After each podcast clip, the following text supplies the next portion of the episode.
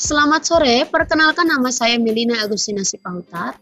Saya adalah peserta Latsar CPNS Kementerian Agama golongan 3 angkatan 4 kelompok 3 tahun 2021 yang di mana podcast ini adalah bagian dari tugas yang diberikan dalam pelatihan online Latsar di dalam materi agenda 2 Bagian yang pertama yaitu akuntabilitas. Dan luar biasa kami sudah menerima materi ini juga yang disampaikan oleh Bapak Widya Suara kami dan juga tutor kami yaitu Bapak Haji Rahman Syaritonga SEAK AKMAP.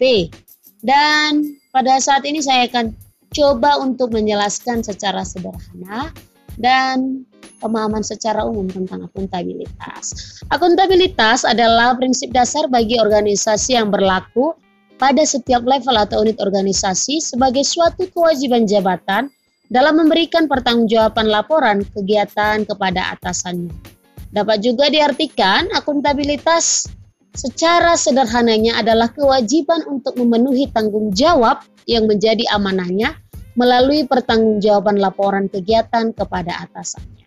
Sebagai peserta Latsar CPNS, perlu kita memahami tingkatan akuntabilitas.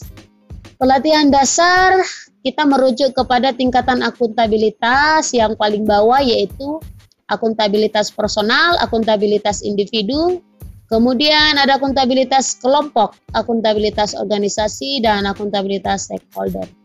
Dua hal yang mendasari kita untuk memahami tingkatan akuntabilitas yaitu dasar yang pertama kontabilitas personal merujuk kepada nilai-nilai yang ada pada diri seseorang menjadi diri yang akuntabel dan menjadikan dirinya sebagai bagian dari solusi dan bukan masalah.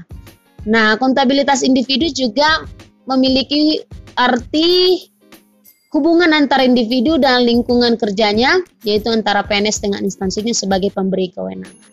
Jadi sebagai PNS yang bertanggung jawab, kita harus memiliki uh, akuntabilitas di tengah-tengah pekerjaan kita. Indikator nilai akuntabilitas terdiri dari keadilan, kejelasan, integritas, konsistensi, transparansi, keseimbangan kepemimpinan, kepercayaan, dan tanggung jawab. Di dalam hal ini, setiap ASN yang akan bekerja melayani masyarakat harus kuat dan paham serta menyatakan dalam pekerjaannya menunjukkan sikap yang accountability. Demikian yang boleh saya sampaikan dalam podcast ini. Terima kasih. Selamat sore.